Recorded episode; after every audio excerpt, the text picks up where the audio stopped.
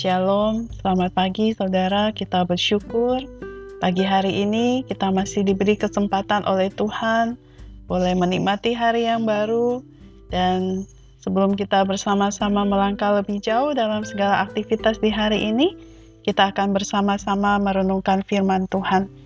Namun sebelumnya mari kita berdoa. Kami bersyukur ya Tuhan untuk anugerah-Mu bagi kami di hari ini. Terima kasih untuk pertolongan demi pertolongan yang Kau berikan bagi kami. Terima kasih untuk istirahat yang baik dan kami boleh bangun dengan kekuatan yang baru, kesegaran yang baru di pagi ini. Dan kami akan mengawali hari kami bersama dengan Tuhan dengan membaca dan merenungkan firman-Mu. Tuhan Yesus, berkatilah kami dengan hikmat dan kekuatan dari Tuhan, hingga kami juga diberikan hati dalam mentaati dan melakukan firman-Mu. Demi Kristus Yesus kami sudah berdoa. Amin. Saudara firman Tuhan pagi hari ini dari satu Raja-Raja pasalnya yang ke-17. Saya akan bacakan ayat yang pertama hingga ayatnya yang ke-16. Lalu berkatalah Elia orang Tisbe dari Tisbe Gilead kepada Ahab, Demi Tuhan yang hidup, Allah Israel yang kulayani, Sesungguhnya tidak akan ada embun atau hujan pada tahun ini kecuali kukatakan.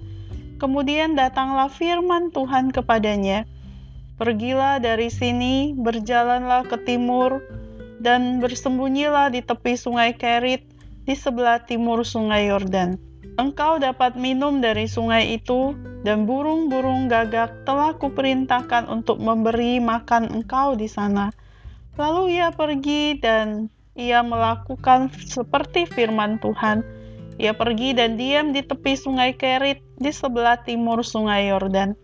Pada waktu pagi dan petang, burung-burung gagak membawa roti dan daging kepadanya, dan ia minum dari sungai itu. Tetapi sesudah beberapa waktu, sungai itu menjadi kering, sebab hujan tiada turun di negeri itu.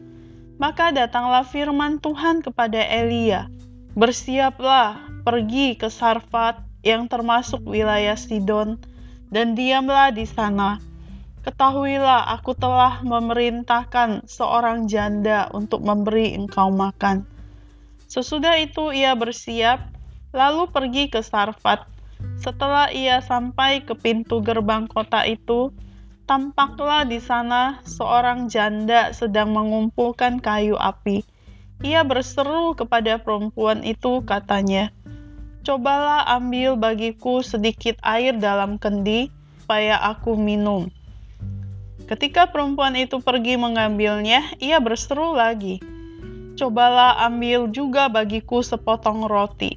Perempuan itu menjawab, "Demi Tuhan Alamu yang hidup, sesungguhnya tidak ada roti padaku sedikit pun." Kecuali segenggam tepung dalam tempayan dan sedikit minyak dalam buli-buli. Dan sekarang aku sedang mengumpulkan dua tiga potong kayu api, kemudian aku mau pulang dan mengolahnya bagiku dan bagi anakku.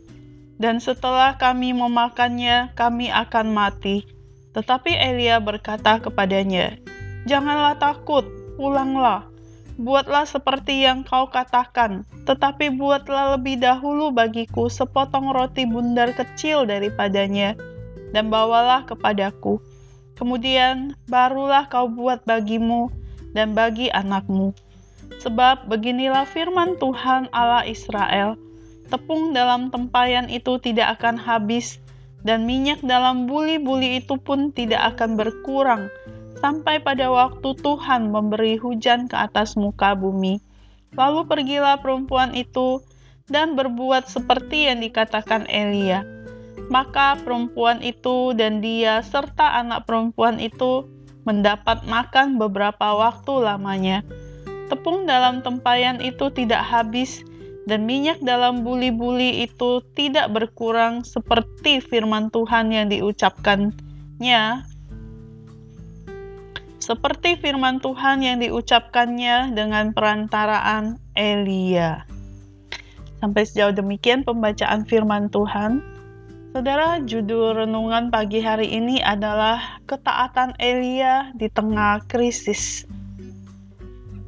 Pada tahun 1998 lalu adalah awal masa-masa sulit bagi bangsa Indonesia karena pada waktu itu terjadi krisis moneter.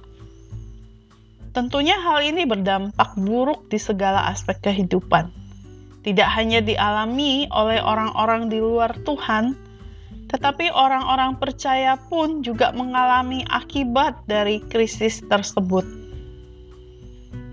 Saudara, meski demikian, ada berita baiknya.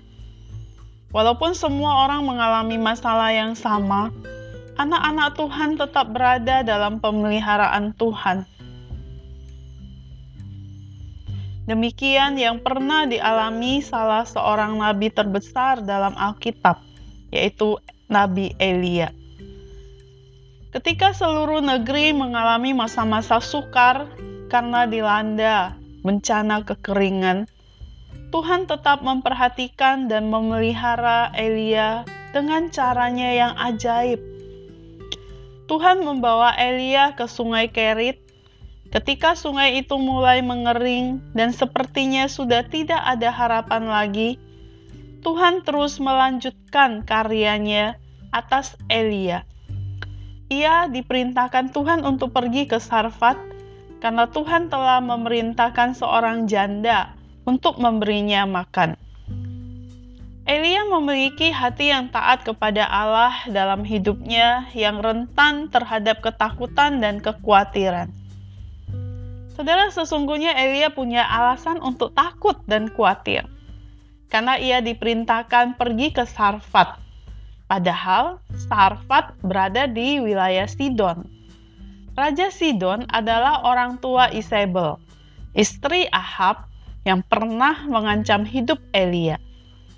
Meski demikian, Elia tetap mengikuti cara Tuhan karena ia tahu bahwa Tuhan menyertainya dan ketika Elia mengikuti cara Tuhan melalui janda Sarfat yang sederhana, ternyata Tuhan sanggup melakukan perkara yang ajaib.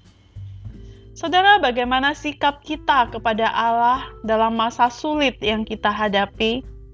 Adakah hati kita tetap taat untuk mengikuti cara Allah, ataukah kita menyerah dan tidak percaya Allah sanggup menolong kita?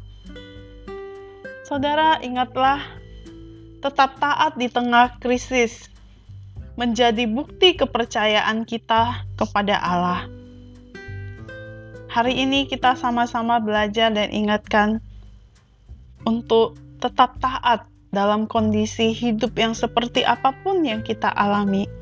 Kita percaya bahwa Allah kita lebih dahsyat, lebih besar dari segala perkara apa pun yang kita hadapi. Kiranya Tuhan memberikan hati yang percaya atas kita, selalu berpegang pada Tuhan.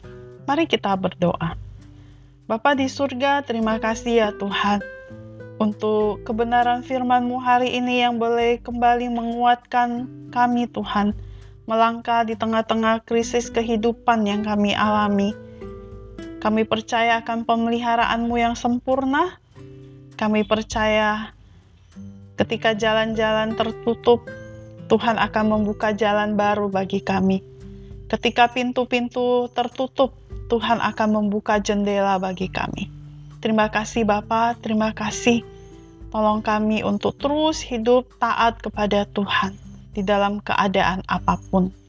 Melewati hari ini dengan segala aktivitas di dalamnya, Tuhan topang dan kuatkan setiap anak-anakmu Tuhan untuk boleh terus berkarya bagi Tuhan dan melaluinya engkau dipermuliakan. Terpuji engkau Bapa, demi nama Tuhan Yesus kami sudah berdoa. Amin. Selamat belajar saudara. Bersama Yesus, aku bisa.